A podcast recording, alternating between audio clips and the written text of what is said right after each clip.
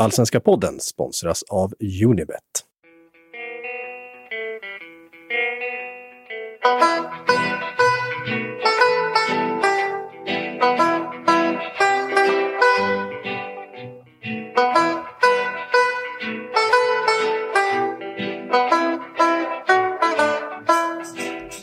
Det är också, även om Vakaus inte har varit dominanta så länge så är det ju på, på sikt en väldigt bra värvning. Liksom.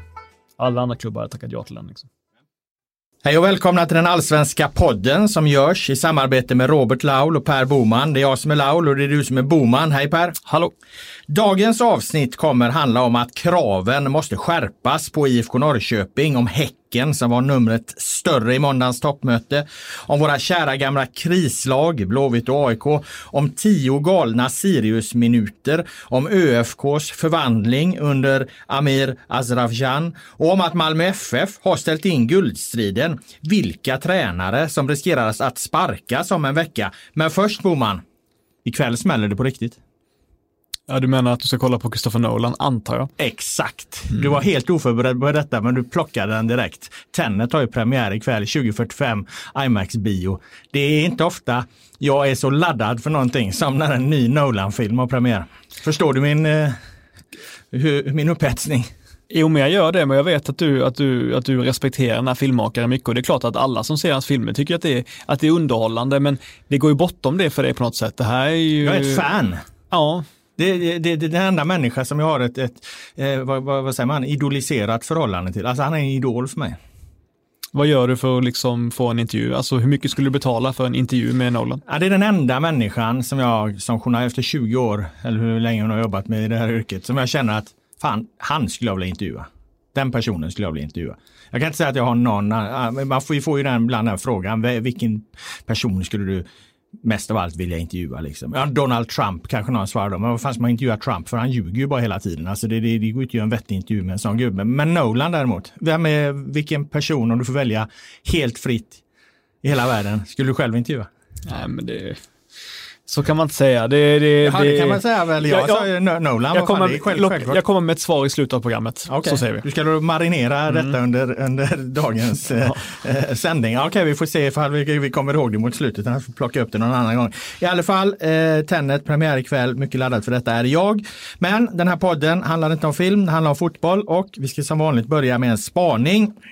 Och den här gången ger jag mig in i politiken. Det är nämligen så att jag stör mig något fruktansvärt på storklubbarnas dribblande med de här permitteringspengarna och coronastödet.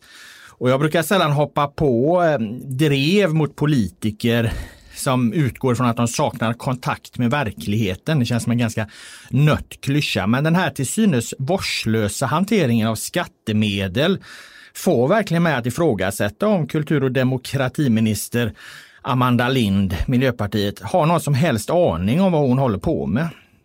Ska verkligen ingen från oppositionen syna det som pågår? Amanda Lind öser ut pengar över elitidrotten och de allsvenska storklubbarna. Pengar som alltså går rakt vidare till att göra stora spelaraffärer och, och då direkt från statskassan till agenters fickor och skyhöga spelarlöner. Eh, Först regnade det ju en halv miljard över idrotten. Nu ska ytterligare en miljard delas ut. Och tittar man på fotbollen så fick ju Malmö FF mest pengar med över 10 miljoner kronor. Malmö som har liksom en halv miljard i eget kapital och som det överhuvudtaget inte går någon som helst nöd på ur ett överlevnadsperspektiv. De behöver inte ens permittera sina spelare i våras. Eh, Malmö har dessutom nyligen gjort en stor och tung ekonomisk investering i Felix Beijmo för att då inte tala om det som pågår i AIK och IFK Göteborg eller IFK Norrköping som på diverse sätt ska ha lagt ut 26 miljoner kronor på en enda spelare, Sead Haksabanovic. Och därefter plockat in både Linus Hallenius och Linus Wahlqvist för stora pengar. AIK fick in 11 miljoner i coronastöd och permitteringspengar under förra kvartalet. Eh, detta trots att de då sitter på ett eget kapital på nästan 50 miljoner. Och där har ju pengarna också lagts nu på att värva in en rad nya spelare enbart för att stärka AIKs redan starka ställning inom svensk elitfotboll. IFK Göteborg har ju skydd av ett investeringsbolag värvat in halva rollistan i Jurassic Park och kommer kanske undan regelmässigt. Men moraliskt är det förstås precis lika tvivelaktigt av en kamratförening eh, att permittera, tigga stöd av skattebetalarna och sen trixa med diverse upplägg enbart för att lyckas bättre än sina konkurrenter på planen. Så jag undrar, hör du mig Amanda Lind? Detta är stötande. Det är dags att vakna, öppna ögonen och se att de här miljarderna du gödslar över svensk elitidrott hade kunnat göra otroligt mycket mer nytta någon annanstans. För just nu hjälper du redan stora, starka och ekonomiskt mäktiga klubbar att bli ännu större, starkare och mäktigare än de mindre som dels försöker sköta sig, dels har ekonomiska problem på riktigt ur ett överlevnadsperspektiv. Hur sjutton var detta provocerar Amanda Lind? Har du kontroll över hur du hanterar skattebetalarnas pengar undrar jag? Har du något svar på det Per Boman? Eh, nej, det är ju det, det, här jag tycker är jätteintressant. tycker det är bra att du kommer med den här kritiken och ofta så får man ju höra argumentet då om att ja, men de här klubbarna är ju som företag, bara för att man får stöd så måste man ju fortsätta liksom investera i föreningen för att man, för, för att jag menar det, det är ju ett, liksom, det är ju, allt det stängs ju inte av bara för att man har fått skattestöd. Men det blir ju lite som att man har, som ett företag har en maskinpark på något sätt eh, eh med redan liksom fullt fungerande maskiner, men då efter att ha fått stöd av skattepengar, liksom värva in dem liksom dyraste traktorerna möjliga sen när, när det ändå finns redan en, en, liksom ändå en, en maskinpark som står där och som är full med, med, med maskiner. Förlåt. Mm. Ja, men jag tycker liksom att det blir lite, det, det här är ju någon slags lyxkonsumtion som, som inte borde finansieras till viss del av skattebetalarna. Nej men det kan ju inte ha varit meningen Eh, och att jag drar detta till sin spets och vässar orden lite, det är för att jag tror, jag tror ärligt talat inte att politikerna har koll på vad de här pengarna går till. Jag tror inte de vet hur, hur ekonomin ser ut i de här största klubbarna. Jag tror inte de är medvetna om hur hur mycket de här värvningarna och affärerna kostar. För att det är ganska lurigt att, att ta reda på exakt vad kostade exakt Sead Haksabanovic exempelvis. Exakt hur finansierades han? Eftersom klubbarna inte är transparenta eh, så, så går det ju inte och därför måste man vara stenhård tycker jag mot dem och i så fall kräva papperna på bordet. Hur såg de här affärerna ut? Vad exakt kostar de? Upp med det här, visa upp det här för Tillväxtverket så att de kan göra rimliga bedömningar. Annars ska ju permitteringspengarna och, och stöden dras tillbaka. Mm. Nej men absolut, eh, som jag sa, jag tycker också att det här, det här börjar likna mer en slags ja, men lyxkonsumtion snarare än, än, än, än rimliga investeringar i ett företag. Bra, då lämnar vi det. Eh, vi kommer fortsätta att granska det, det här ämnet givetvis i, i, i vår, genom vår journalistik. Eh, här i podden går vi vidare till kvällens första, kvällens, poddens första ämne.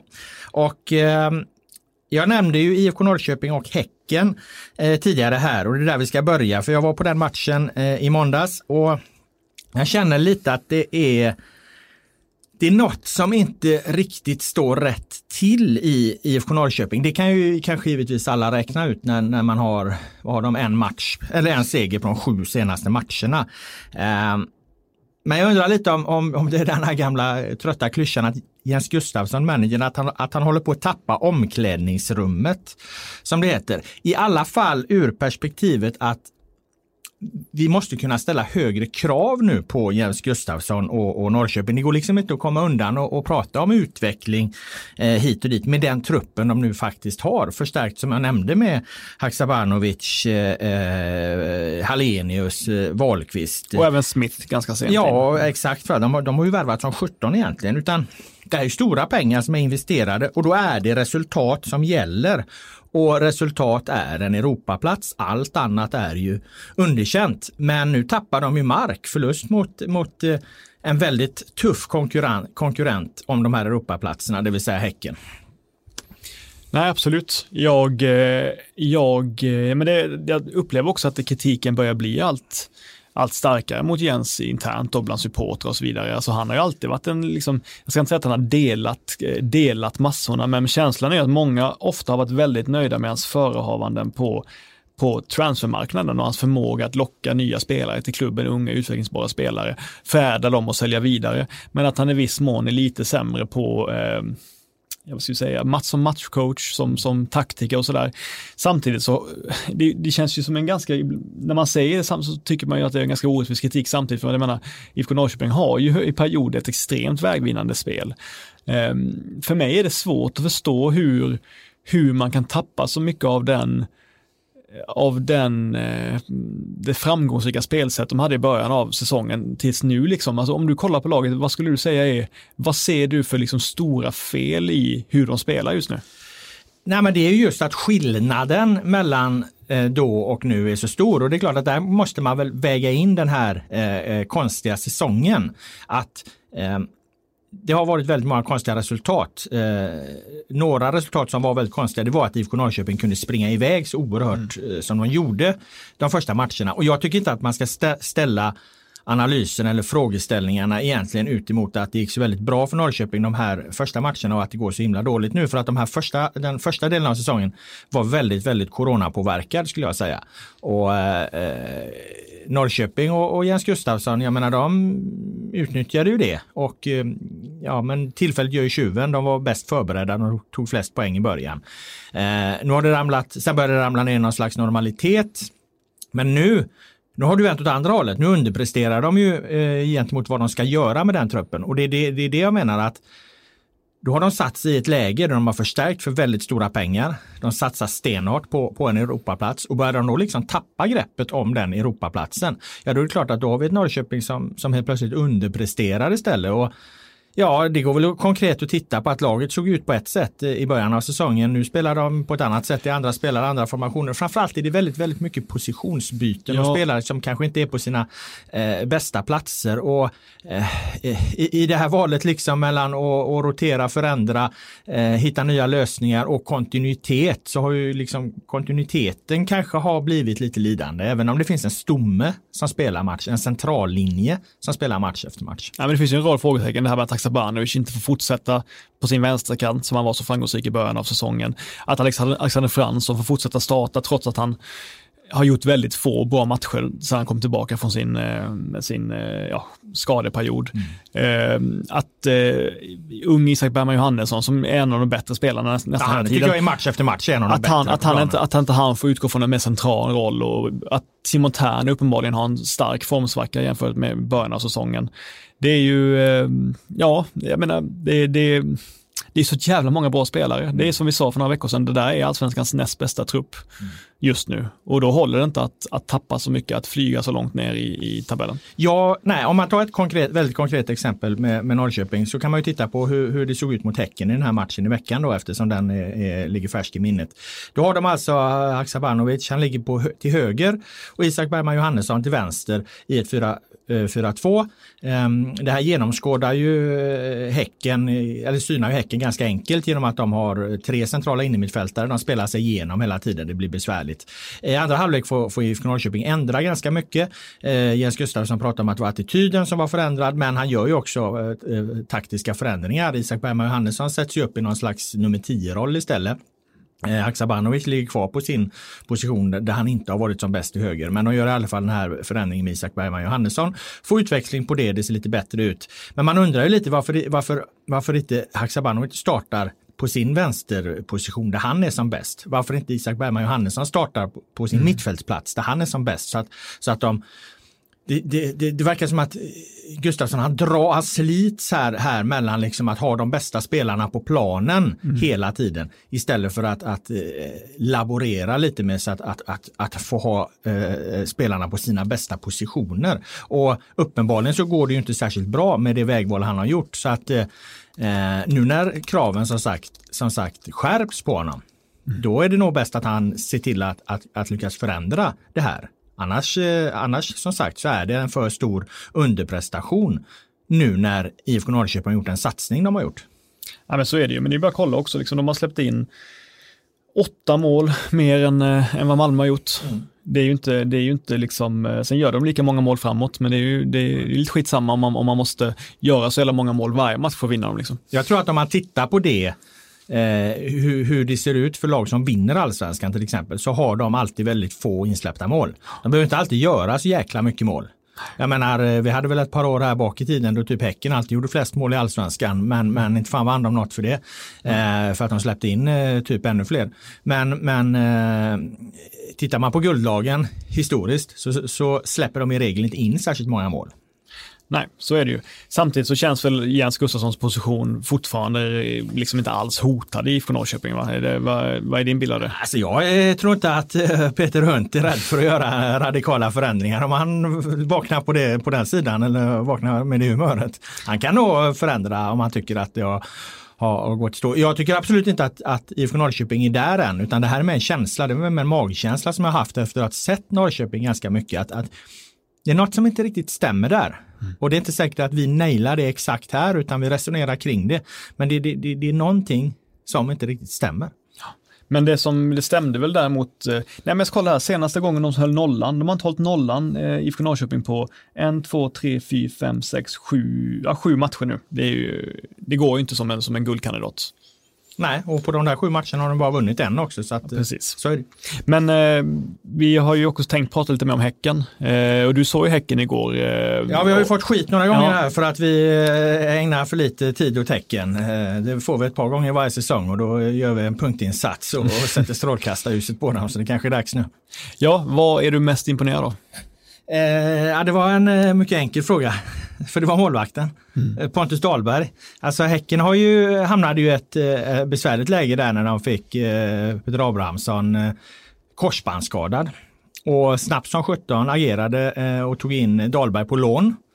Eh, gödslade inte allt för mycket pengar vi får försöka hålla linjen här och inte, mm. inte bara hylla värvningarna som görs utan även ha det kritiska ögat. Men Häcken är ju definitivt inget lag som, som sticker ut med, med stora värvningar. Och, så, utan, uh, och jag vet att Tillväxtverket har ju faktiskt en, en inställning här kring det här permitteringsstödet att nyckelpersoner får ersättas. Mm. Och uh, det kan man faktiskt säga att när målvakt blir, första målvakt blir svårt skadad så kanske det är rimligt att ta in en, en ny målvakt på lån dessutom som mm. de har gjort här. Det kostar mindre.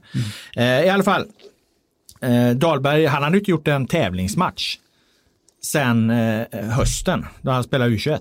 Mm. Han var grym. Mm. Han, han, jävlar vad han var, var, var stor och han hade pondus och han kom ut och han tog liksom allt. Mm. Otroligt imponerande. Det var inte, liksom inte en tillstymmelse till ringrostighet eller darrighet. Vi har ju sett mängder av exempel på namn som kommer tillbaka och de, liksom, de får ju vevas igång under månaders tid. men, men här alltså, han klev in direkt. Jag menar, han är analysen. Jag menar, hur analyserar du annars den här matchen? De, de vinner liksom på, på ett, på ett, ett, ett klassskott från Leo Bengtsson. Så, men det är ju inget läge liksom. Han, han vräker ju på ute vid, vid straffområdeshörnet och den sitter mm. liksom vid stolpen tätt in till stolpen. Mm. Det, det målet kommer i andra halvlek, mitt under Norrköpings absolut bästa period i matchen. Det var man verkligen satt och gapade, vad fan hände liksom? Mm. Eh, så att, att Häcken vinner den här matchen, analysen landar i att, eh, att, eh, att Dahlbergs räddningar. För annars hade de inte fått samma utväxling på det här målet.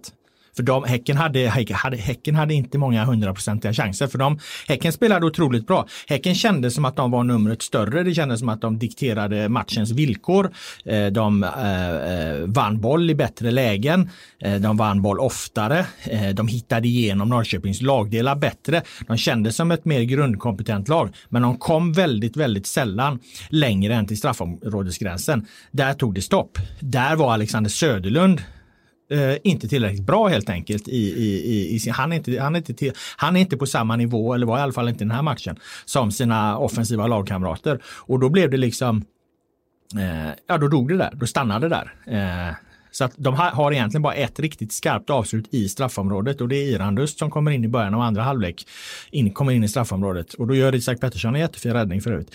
Men istället fick de då skjuta utanför straffområdet och till slut lönade det här sig då genom, genom eh, Leo Bengtsson väldigt fina skott. Hade, hade Berggren, Friberg och Irandust ett stort övertag på Tern och Fransson? Ja, det är klart att dels är de ju övertaliga mm. på centralt då.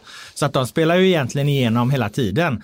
Eh, det är ju Irandust som ofta får de eh, rubrikerna och som det pratas mycket om. Och man pratar om andra bollsmästaren Erik Friberg. Men, men jag är alltid mest imponerad av Gustav Berggren. Eh, ska man hitta någon systematik i Häckens mål så är det ju att det är ett Häckenanfall som Norrköping bryter.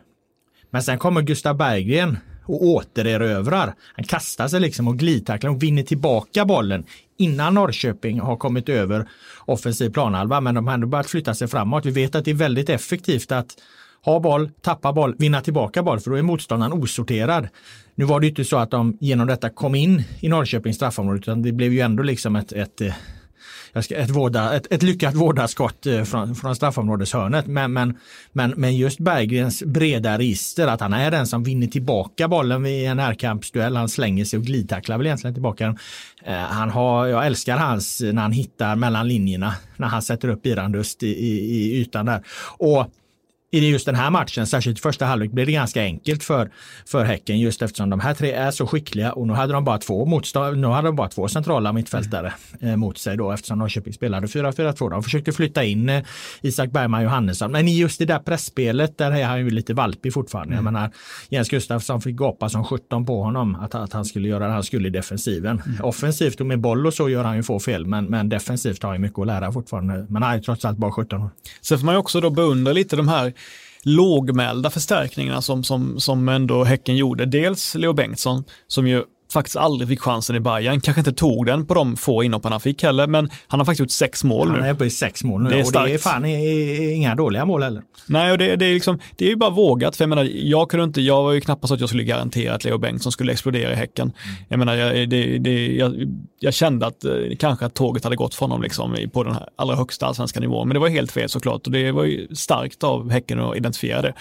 För det var nog ingen så att det var någon jättestor konkurrens om att ta honom. Och sen dels eh, den duktiga Janet Hauer-kopian, Sota, mm. som ju också är liksom en bill ett billigt kap på många sätt och vis, som ser lite älgig och klumpig ut, men som är ute bra nästan alla matcher jag sett han spela. Jättebra, ja, visst, han, är, han, är, han är jättebra och det var det var en intressant värvning där att de, eh, de har, han har varit där tidigare. De mm, vet exakt vad, vad, de vill ha, de vet vad de får och han går in och det, det är så självklart allting i hela liksom processen från, från mm. att han kommer tillbaka till att han nu eh, presterar bra. Men sen är väl Alm skicklig på uh, unga spelare också. Ja, alltid varit Jag menar, han, mm. AIK var ju fantastisk på det och, och eh, jag menar, Leo Bengtsson är ju inte jätteung så sett, va? Men, men han är ju han är ju oerfaren utifrån, precis som du säger, han har inte spelat så mycket allsvensk fotboll, så han är i början av sin allsvenska karriär. Så att jag menar, där kan ju fortfarande ta fart till ännu högre nivåer.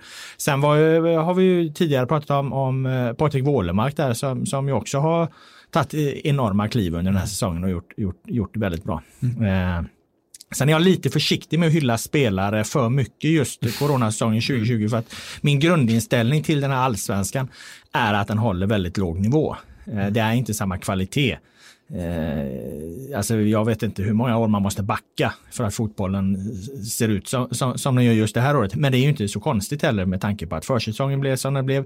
Spelschemat är mycket tajtare än vad det brukar vara. Publiken saknas och så vidare och så vidare.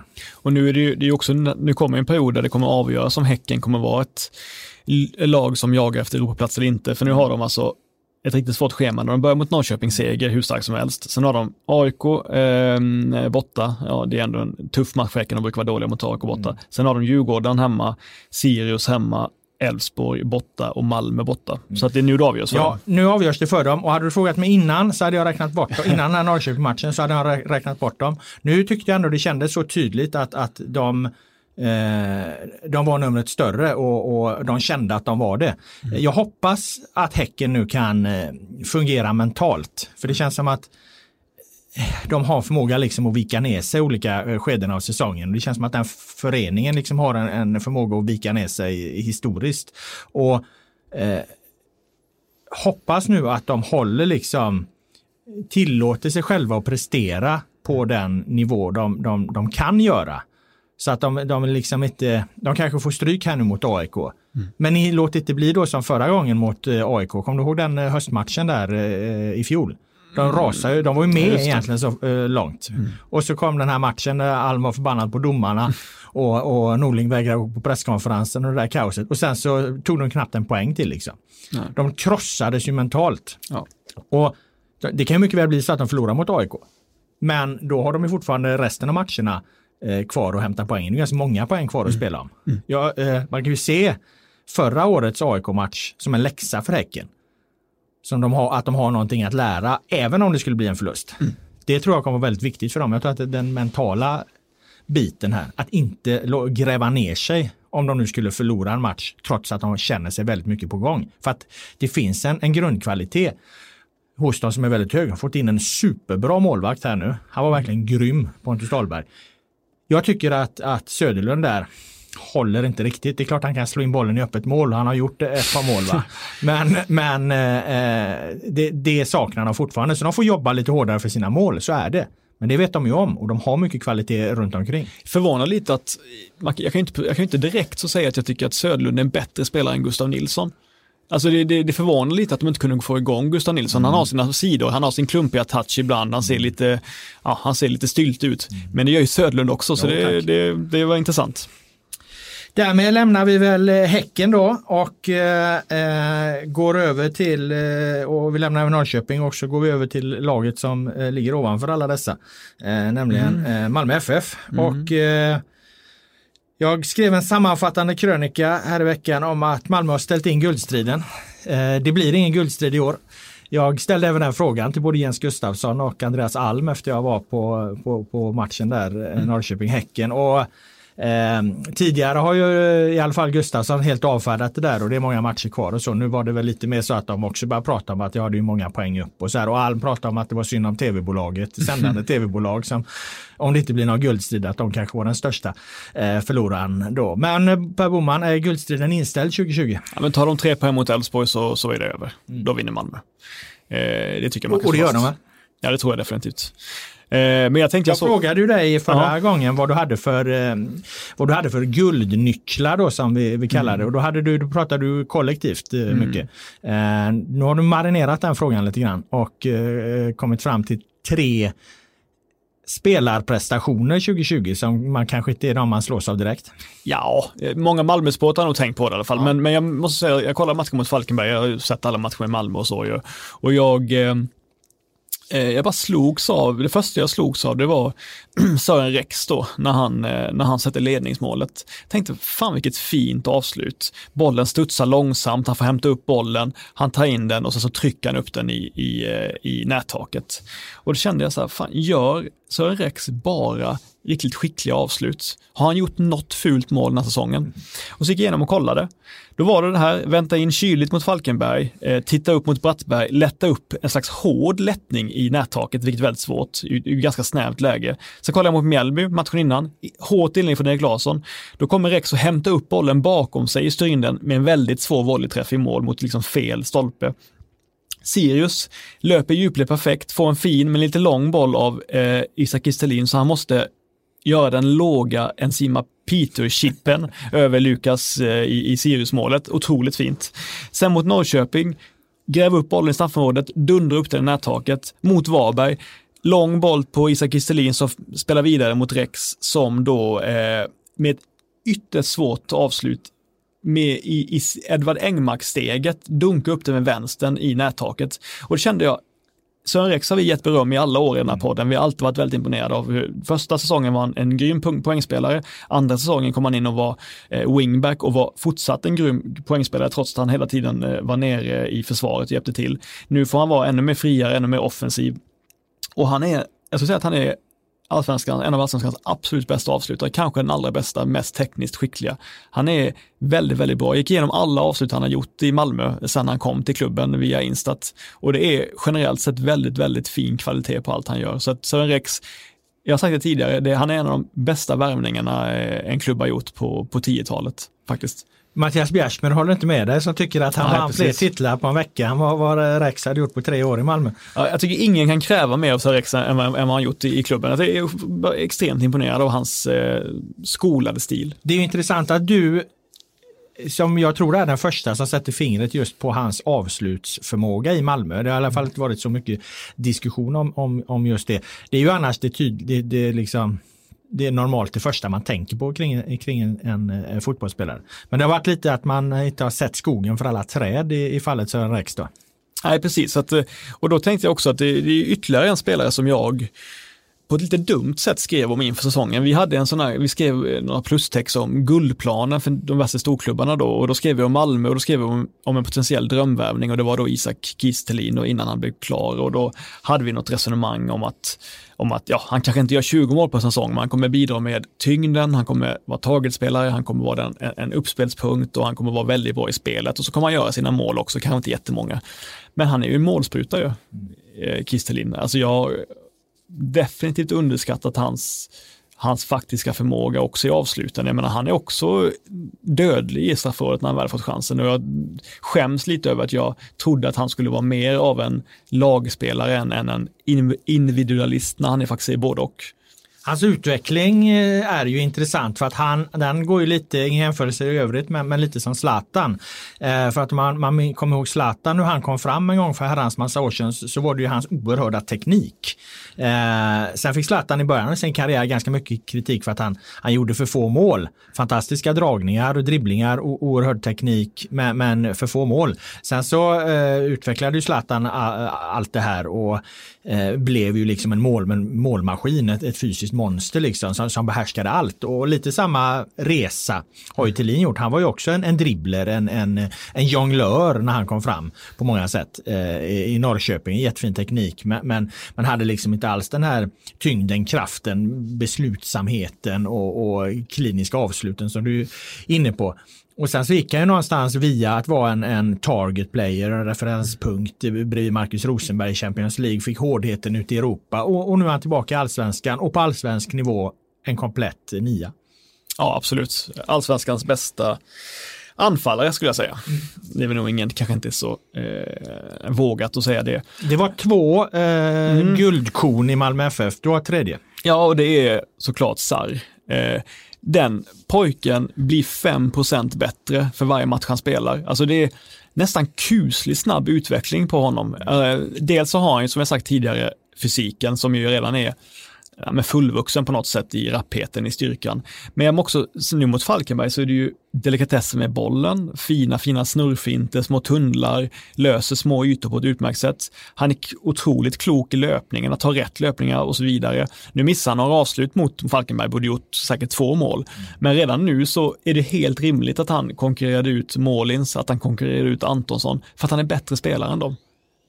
Man kan säga redan nu att Sarri i 2020 är han bättre spelare än både Målins och eh, Antonsson. Och då måste man bli imponerad av Malmö, för jag menar, jag tyckte att de hade tre hårda krav. Jag inbillar mig att det var tre hårda krav på Jon Thomasson. Mm. Vinna guld, spela in ungdomar och ta sig ut i Europa. Mm. Nu är han ju väldigt, han är verkligen på väg att lyckas med, med två av dem och mycket tyder väl på att Malmö är pass skickliga nog att de klarar även det tredje. Så att jag är väldigt imponerad. Ja, Europa är svårt att veta just av mm. den anledningen. Man vet inte riktigt vilken nivå allsvenskan håller där i förhållande till till andra ligor och så. Jag menar när, när Djurgården var ute här så tog ju Champions League-äventyret eh, slut ganska snabbt i alla fall. Mm. Eh, så att det är lite vanskligt. Men, men oavsett det så, så håller, jag, håller jag med dig. Eh, du pekar in tre, tre enskilda spelare där. Jag tänkte ta eh, lite övergripande där. Alltså tittar man på vad Malmö har, de har alltså nu då 38 eh, poäng på 17 matcher. Eh, över 30 omgångar skulle det ge ett snitt på 67 poäng. Det var ju där Djurgården eh, nästan var och när de vann, vann allsvenskan. Eh, så att det är klart att tar man 67 poäng så vinner man allsvenskan även ett vanligt år. Nu är det ju ett eh, extremt annorlunda år och kollar man på lagen närmast efter då som ju för tillfället är Elfsborg så har de ett de 31 poäng. De har alltså ett, ett snitt som över 30 omgångar ger dem 55 poäng. Mm. Så just nu den, liksom, den statistiska analysen här, här och nu alltså fortsätter, fortsätter det så här så kommer Malmö FF vinna den allsvenskan med 12 poäng. Mm. Och det är ju enormt. Och då är ju guldstriden givetvis eh, inställd. Precis, så är det. Och det, en sista grej jag tänkte på kring Malmö, det är ju att nu, nu har det, är det liksom starka rykten om att eh, Bachirou kommer säljas till England. Om det är någon spelare som jag faktiskt har varit lite besviken på sen han gick till Malmö så är det Bachirou. Man får förstå mig rätt, han har varit enorm i vissa matcher, framförallt i Europa, varit precis så bra som, som, som han var i Östersund. Men med tanke på hur dominant Bachirou var i dels i ÖFK Allsvenskan och dels hur han var i, i Europaspelet med Östersund, då trodde jag på kanske en ännu skarpare utveckling för honom i Malmö. Han kan ha blivit lite för mycket av en en rollspelare i Malmö som har skött vissa delar. Jag tycker att han har sånt enormt stort register egentligen. Jag hade nog väntat mig att han skulle bli en tydlig 5 plus-spelare i Malmö medan han nu kanske har alldeles för ofta varit mellan 3 och 4 plus. Men är det inte en röd tråd här att väldigt många av de här spelarna som eh glänste så alldeles oerhört under Östersunds eh, framgångsperiod där har inte på samma sätt lyckats när de hamnat i andra sammanhang. Eh, det, det fanns någonting, eh, det fanns något magiskt över den, över den resan de här gjorde i Östersund och den nivån de presterade under Potter och den liksom gruppen han satte ihop och hur de här spelarna fungerade tillsammans. Det var ju liksom ett, ett, ett konstverk som han rörde ihop där och sen när de här olika spelarna har skingrats för vinden och, och, och ska prestera på egen hand så att säga så, så har de inte riktigt nått upp i, i, i samma nivå som de en gång gjorde i Östersund. Det är också bra då av Tomasson att han har tinat upp Rakip och Bonke in och sett precis rätt lagom då för att kunna sälja Bachirou. Jag menar det har varit en katastrof att sälja Bachirou inför den här säsongen, har jag tyckt i alla fall. Nu när, när Bonke har varit väldigt fin som, som dörrvakt och, och Rakip ser ut som sitt gamla jag igen så är det ju, är det ju ändå okej okay att sälja Bachirou. Mm. Så är det. Eh, vi går eh, tvära kast den här podden mm. så att vi lämnar den absoluta toppen och kastar oss eh, ner mot botten till våra två eh, kära gamla krislag som vi har pratat mycket om det här året. Och vi börjar väl bakifrån då, strax ovanför kvalsträcket hittar vi ju IFK Göteborg där vi uppenbarligen eh, satt satte eld i baken på sportcheferna med förra veckans podd. För jävlar vad det händer grejer i IFK Göteborg efter det avsnittet. In har ju både Pontus Wernbloom 45 och Sebastian Eriksson 39 kommit. Eriksson han gör väl någonstans eh, runt sin sjunde comeback i Blåvitt. Vi får se om den här blir bättre eller sämre än tidigare. Eh, I alla fall det som händer kring Blåvitt nu tycker jag är intressant. Därför att det är ju en total omvändelse under galgen skulle man kunna säga. Eh, jämfört med 2018 då den här femårsplanen som deras klubbdirektör ofta refererar till lades så är ju trebackslinjen och det icke-fungerande 3-4-3-formationen eh, borta sedan länge. Tränare Poya Asbaghi pratar ju idag i match efter match egentligen om att de måste bli direktare mot mål, mer effektiva. Han pratar om att de måste skydda sitt eget straffområde bättre. Han pratar om att de måste ha mer kraft i offensivt straffområde.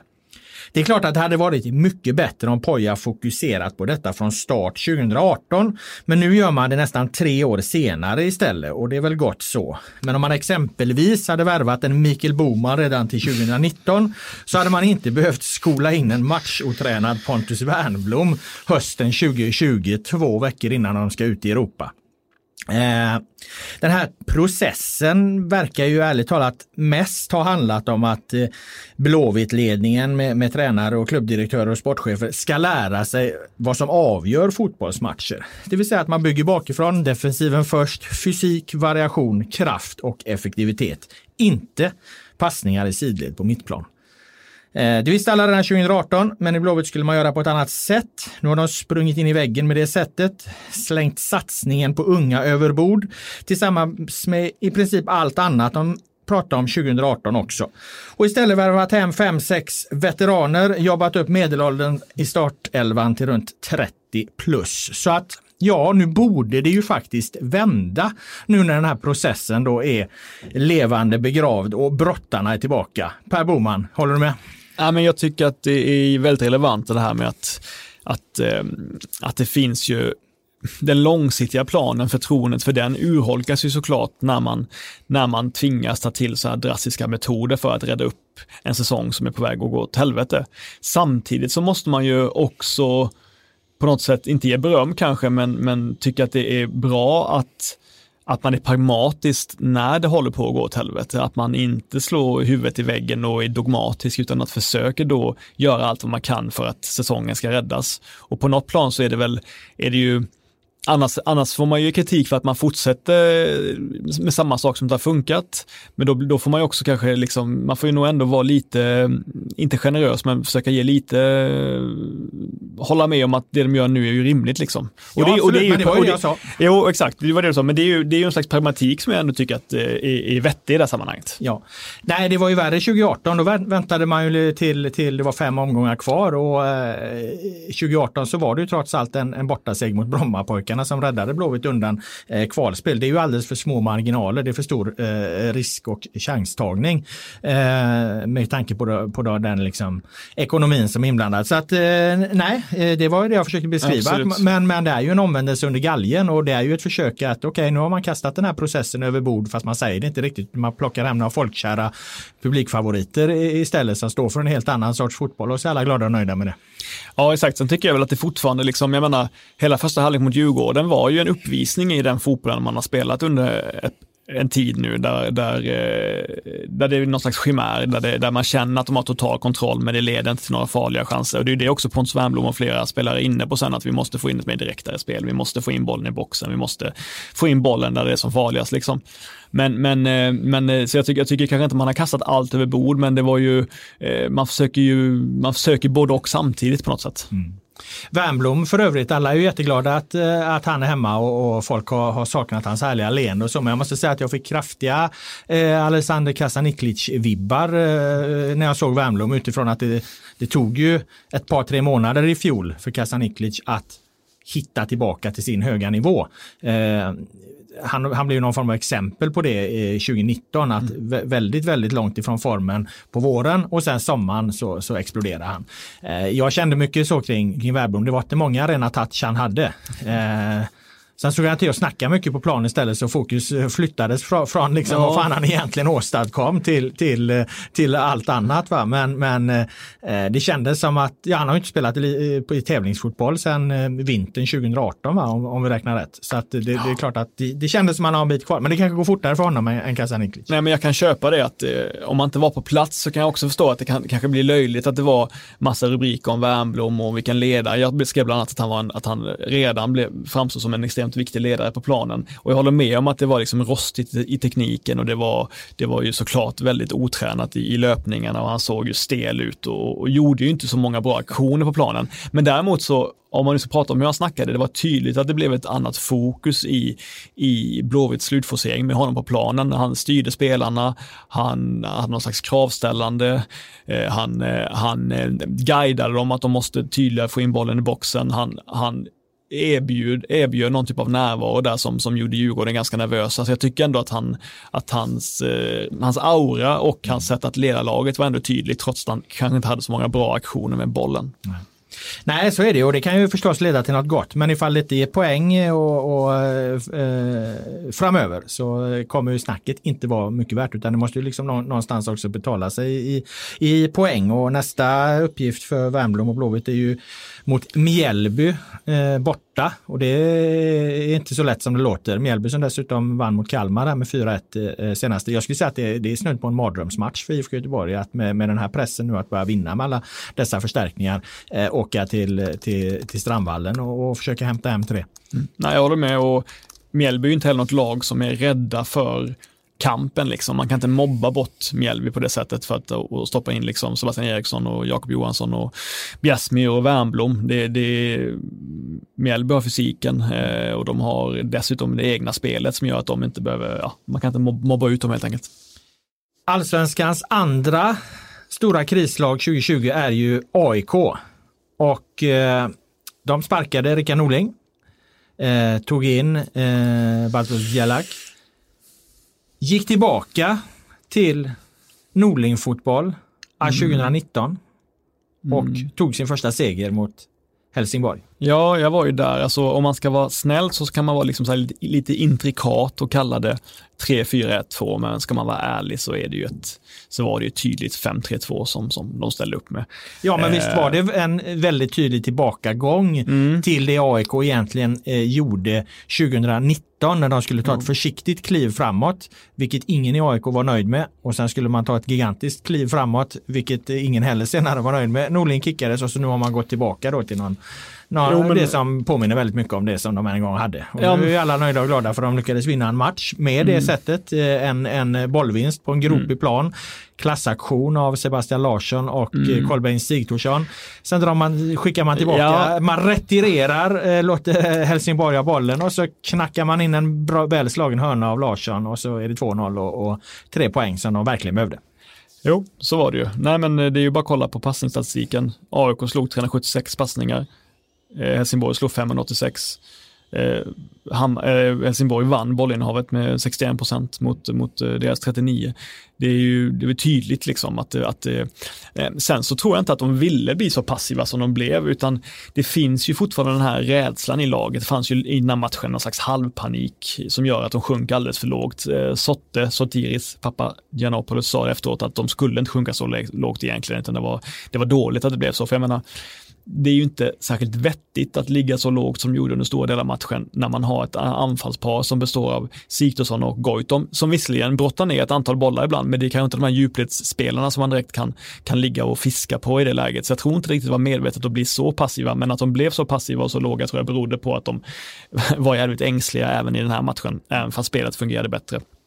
Eh, Sebastian Larsson sa ju tydligt efteråt att, att vi var desperata. Vi var totalt desperata att få tre poäng. Ja, jag hörde den tv-intervjun där och det var intressant mm. för att han sa ju det, ibland måste man gå bort från det man egentligen vill göra eh, och göra något annat av den enkla anledningen att vi var desperata på, på tre poäng. Han har ju varit en av dem som, som har, har sålt in och stått bakom väldigt kraftfullt hela eh, förändringen att AIK måste liksom ha en fotboll som, som ger spelarna mer energi. Och nu går man ju då tillbaka från det så att eh, han, han eh, han var väldigt tydlig i sin kommunikation att han inte skulle synas på den punkten att ja men eh, för några månader sedan så sa du så här Sebastian. Han liksom, ja, fast han, jag han, tycker han, samtidigt att man kan inte lägga över, det är faktiskt inte spelarnas ansvar att man har bytt spelsystem. Rickard Norling var jättetydlig med att han ville byta spelsystem, att han var svintrött på det gamla. Jo, jo men jag menar, jag bara för det... Sebastian Larsson ja. att istället för att få den frågan, mm. ja men du, ni, ni ville ju, ni ville ju ha ny energi och, och spela mm. på ett annat sätt. Och annars tror jag inte han hade sagt som han gjorde för att han, han står ju alltså i den här tv-intervjun och är väldigt, väldigt tydlig med, med att ibland får man göra det man egentligen kanske inte vill göra innerst inne bara för att hämta hem eh, tre poäng. Så att Eh, han menar väl någonstans att i den här matchen så var de tvungna att, att, ha tre poäng. Då är de tvungna att gå tillbaka till det här, fast det är egentligen inte det de vill göra långsiktigt. Nej, absolut. Sen så, så tror jag nog att han kommer försöka testa en fyrbackslinje framöver ändå, eh, Bartos. Men jag tänkte på en annan grej som jag pratade med, med Simon Bank på läktaren. Det är ju att man har ju märkt av så mycket hur tränarna är eh, i samband med matcherna, för vi hör ju allting från, från pressläktaren och Bartos är ju Mm. väldigt engagerad som många andra, men han är det på ett extremt detaljerat vis.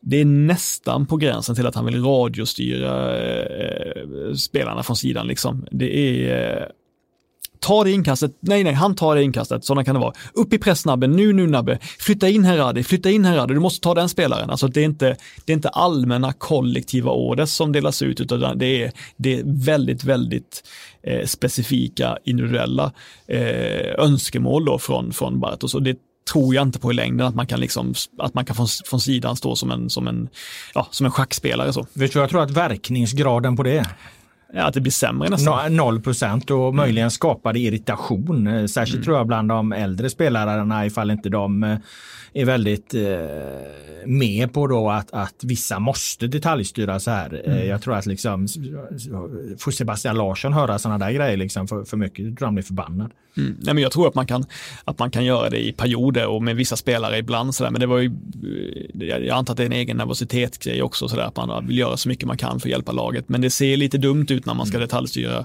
vuxna människor som att det vore ett juniorlag. Mm. Jag tror att eh, egentligen, vi, börjar, vi pratat mycket om, om att AIK gick tillbaka här nu till någonting.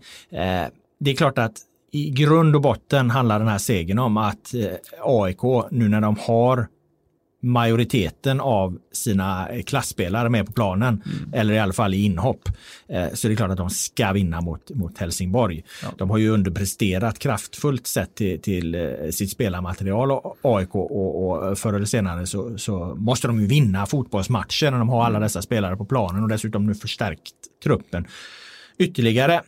Däremot så kommer ju AIK prövas framöver här nu. Mm. Nu möter de ett formstarkt Häcken som sagt och sen har de ett ganska så eh, tufft eh, schema. De kommer ju från ett då på pappret eh, eh lättare period men, mm. men med facit i hand så lyckades de ju bara vinna en av alla de här matcherna med, med Kalmar och, och Falkenberg och, och, Helsingborg och Östersund och, och allt vad det var. Eh, så att det är klart att de har inte de har inte samlat på sig någon övertygande poängmängd när de nu går in då i ett, i ett klart eh, tuffare spelschema. Nej, men så är det ju. Eh, jag tycker inte man kan kalla AIK tydliga favoriter i någon match förrän den eh, 2 november. Alltså det, det, det, är liksom, det är 8-9 matcher nu där, där, där man liksom inte kan säga att de möter... Det kanske dock passar dem. Nu får ja. de slå här nu underläge efter att ha haft den här kniven mot strupen i matcher där de vet att de egentligen är bättre. Mm. Nu får de, eh, nu får de eh, slå i underläge helt enkelt. Ibland växer ju lag av det. Absolut, och det passar väl också då att ha en, den här lite mer defensiva inställningen mot de lagen också. Ett lag som faktiskt har gjort en total förändring. Det är ju Östersunds FK lite i skymundan här. Eh, under och efter deras tränarbyte här till Amir Azrafjan så har de alltså nu tre raka segrar. Mm. Och ja, de har väl, alltså jag tror de har en förlust på snart tio matcher sedan han kom in. Eh, och, och, även bortsett från resultatet så är det intressant att se Östersund för att han har alltså gjort dem till ett helt annat fotbollslag än vad de eh, har varit. Jag menar hela, hela övergången från Potter, spelarna försvann, Potter försvann, Börsnall som försökte liksom fortsätta på samma väg men utan att han själv var någon Potter och utan att han hade spelarmaterialet för det. Det blir bara nu med facit i hand ser man en, en onödigt utdragen liksom nagel, eller vad heter det, eh, ja men process att klippa navelsträngen till, till det här gamla. För nu står de för något helt annat. De spelar på ett helt annat sätt. De utnyttjar ju de spelartyper de har i startelvan. Det är ju ett fysiskt kraftfullt eh, lag Östersund. Alltså de har ganska många explosiva spelare och det går jävligt fort när de ställer om. Och det, det, de, de, de, de utmanar ju verkligen Elfsborg som de besegrade med 1-0 i senaste matchen. Eh, på det vi har hyllat Elfsborg mycket för, det fysiska spelet. Där stod de ju verkligen, de vann ju i många delar kampen. Nej, men de har ju ett extremt ungt lag och därmed ett fysiskt rörligt lag. De har, de har ju, jag menar, de har ju mittbackar som Isherwood, Sonko Sundberg, Mensir och Mokibi som, som ju är, kan mäta sig med alla andra i, i styrka liksom. Och det är väl rimligt, jag tycker kanske även i slutet av Birchans tid att man försökt spela med på det sättet också lite då, men framförallt tycker jag att de får ut lite mer nu av en i grunden inte jättedålig trupp. Östersund har inte en sån dålig trupp som många kanske väntade sig inför säsongen när de sa att de skulle, när man tippade dem att de skulle åka ut, som, som många gjorde. Alltså, jag menar, de har... Men det är inte, det, alltså, tittar du på spelet så är det mycket mer direkt nu. Jo, alltså, absolut, det, men, alltså, då, då, gör de ett bolltapp, då går det snabbt om. Alltså, då går bollen snabbt upp liksom. Och så har de, har de vänt upp jo. det istället för att tappa liksom, en sidledspassning på mittplan. Men jag upplever att deras anfallsspel var ganska direkt förut, men nu upplever jag upplever också att de inte skäms för att bara dra ut bollen åt helvetet i inkast. Liksom. Så menar, de, de spelar med extremt låg svårighetsgrad på egen planhalva och så. Däremot tycker jag att de försökte anfalla ganska snabbt även i början av säsongen, men nu tycker jag liksom, det var ju som Blåvitt och Poja de sa när de hade mött ÖFK hemma, att de jublade för varje inkast. Och det finns ju någon slags, eh, det finns ju någon sån grej i, i ÖFK att, eh, att, eh, ja men, och sen tror jag också på det här med att det är många spelare som spelar för ett nytt kontrakt någon annanstans, som det ofta är i sådana klubbar, mm. att det är många unga killar som vet att det här är ett bra skyltfönster och kanske spelar för sig själva lika mycket, eller för, för liksom den här gruppen, kanske inte så mycket för klubbmärket utan för sig själva och för lagkamraterna. Men de hade alltså under 2019, och inte exakta siffrorna, de hade eh, eh, ett av de högsta. Sundsvall låg otroligt ja, men, högt. Jag menar, alltså bollinnehaven ja, även, vet, även under 2019. Alltså, men, men, men, han var ju kvar under, under ja. våren också, ju, eh, Börsan. Liksom. Men jag håller med, det är, en, det är en skillnad definitivt. Ja, det är en skillnad och, och hur som helst så äh, även om man liksom exakta skillnaden i hur spelet ser ut kanske då är, är svår att staka ut. Eh, så är det ju en, en resultatmässig gigantisk skillnad. Skulle vi jämföra poängsnitt här så har ju Azravjan tagit enormt mycket fler mm. poäng än Birchnall. Ja, men det som säger, de har Baptist, de har Perry, de har Kron, de har Turgott. Alla de spelarna är ju precis som du säger, Hörberg extremt snabba, raka djupledsspelare och det utnyttjar man på väldigt bra sätt nu. Mm. Så att eh, eh, vi kallade ju Östersund eh, ÖFK här för en räddningsplanka eh, för några avsnitt sen när de låg nere i botten och skvalpade. Man var till och med sist ett tag. Och vi kallade dem för räddningsplanka. Nu är de ju eh, några segrar senare klättrat upp till, till mitten av tabellen. Det går ganska fort när man vinner ett par mm. matcher. Man ska inte glömma det när det är så jämnt som det ehm, Så att, eh, och tydligen så, i alla fall enligt en, en mejlare då, hävdar att det här ordet räddningsplanka ska ha fått fäste ända in i spelartruppen och de ska ha använt det som bränsle här då för att de inte vill bli kallade för någon jävla räddningsplanka med start eh, eh mot AIK då.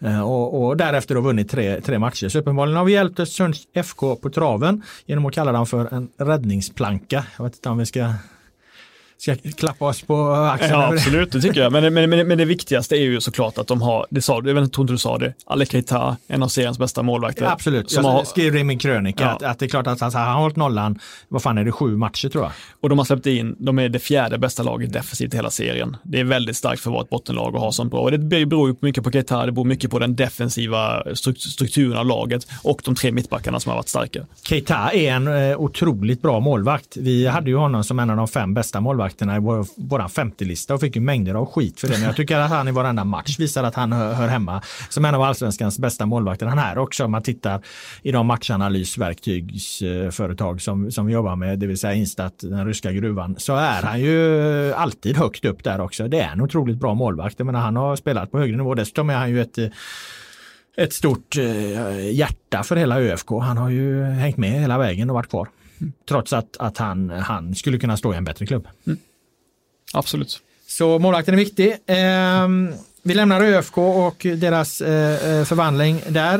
Eh, för den senaste tiden har ju bjudit på en klassisk kaosmatch också, nämligen Sirius-Hammarby.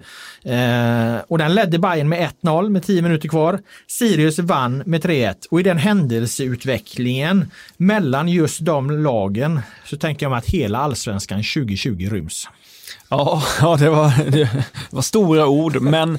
Ja, men du fattar vad jag menar. Jag det är Sirius som är, är ett succélag och, och Bayern som blev ett mittenlag mm. istället för att utmana Malmö om, om mm. guldet och så leder Hammarby med 1-0 borta och sen så slutar det lik förbannat 3-1 i Sirius och så är det hela havet stormar i, i Hammarby och Sirius får vi skriva upp ytterligare ett par placeringar eh, trots att vi trodde att de skulle rasa.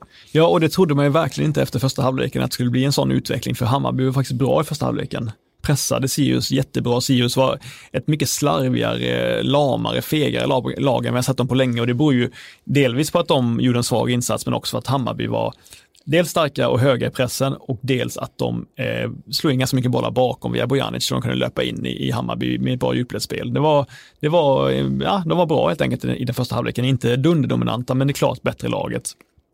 Eh, sen så, det är ju, det finns, av sakens natur så kan man ju sjunka ganska lågt omedvetet när man spelar just med fembackslinje som, eller ja, det får man ju kalla det i, i Hammarby som de har bytt till. Då, det känns ju inte typiskt Hammarby att hamna i det läget, men nu nu börjar de sjunka liksom alldeles för lågt, alldeles för tidigt i den andra halvleken, eh, Hammarby, på ett sätt som, som, eh, som, som kanske inte håller om man ska vara det här eh, topplaget. Liksom. Eh, de, de sa det efter matchen, både liksom Kalili och Tankovic, alla liksom, pratade om att Sirius spelar inte någon wow-fotboll den här matchen, ändå blir vi så låga, ändå backar vi så mycket.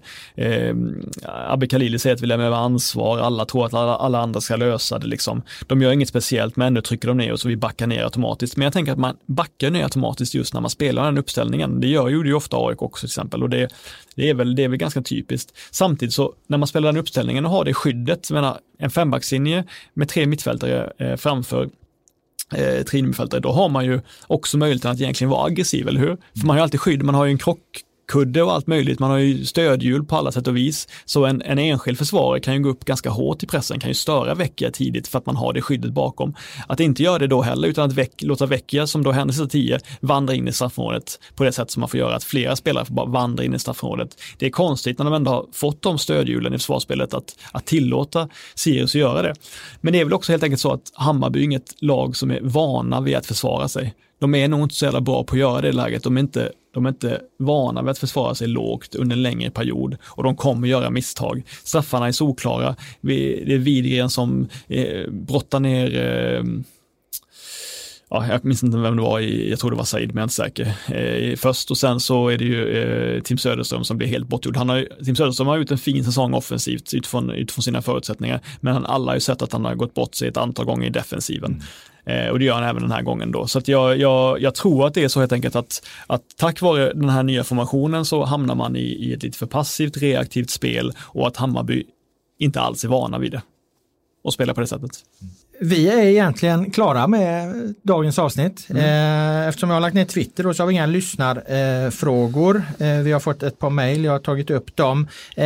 En grej jag tänkte på vi kan avsluta med här, det är ju att efter nästa omgång så är det eh, landslagsuppehåll. Så att då blir ju det första liksom längre perioden sedan allsvenskan drog igång eh, utan matcher. Mm. Och eh, sådana där tillfällen brukar ju krisande klubbar eller klubbar som vill göra tränarbyten passa på att utnyttja. Mm. Tror du att någon tränare får sparken i nästa vecka under det här landslagsuppehållet? Ja, men det är klart att eh, om, om, eh, om IFK Göteborg skulle få stryk och göra en riktigt dålig insats mot, mot Mjällby så kan det inte vara jättelångt ifrån att, att de gör en förändring på, på tränarsidan. Tror du att Olof Mellberg sitter i 100% säkert? Nej, det tror jag inte, men jag tycker inte att de borde sparka honom. Stefan Billborn, där har då ju Hammarby tagit in Tony Tiger för att stärka upp. Är det för att, eh, att ha en, en, en plan B ifall eh, Billborn kör in i väggen? Eller, vilket han ju delvis har gjort. Men eh, eller är det bara för att, är det för att stötta honom att man förstärker upp ledarteamet så att säga? Att det här är helt enkelt talar till, till, till Billborns fördel att, att man gör den här förändringen på det här sättet istället? Ja, i och för sig. Eh, jag minns väl att Alexander Axén sa någon gång när han var i Gais och fick Roland Nilsson som övervakare. Eh, att nu visste han att det, att det var... Dagarna liksom. var räknade. Ja, precis, precis. Eh, det tror jag dock inte i det här fallet. Jag känner mig, nej, det känns rimligt att, att jag tycker definitivt att de borde behålla Billborn resten av säsongen. Naturligtvis. Och Peter Hunt agerar inte mot Jens Gustafsson? Jag tror att han har byggt upp tillräckligt mycket eh, Eh, förtroendekapital under de här, eh, framförallt som sportchef de senaste, senaste åren för att eh, Norrköping skulle göra något sånt drastiskt och, och sparka honom. Ja, vi får se hur det blir. Eh, vi är ändå tillbaka med ett avsnitt av podden nästa vecka. Eh, sen blir det väl då kanske ett litet uppehåll för oss också i och med att det inte är några allsvenska matcher på ja, en dryg vecka. Eh, men idag tackar jag dig Per Boman som var här med dina kloka synpunkter och åsikter. Jag tackar alla er som har lyssnat. Den allsvenska podden är då tillbaka nästa vecka. Nu blir det The Village Stompers med Washington Square. Jag glömde ju AIK där när vi pratade. Ja, jag vet. Jag vet.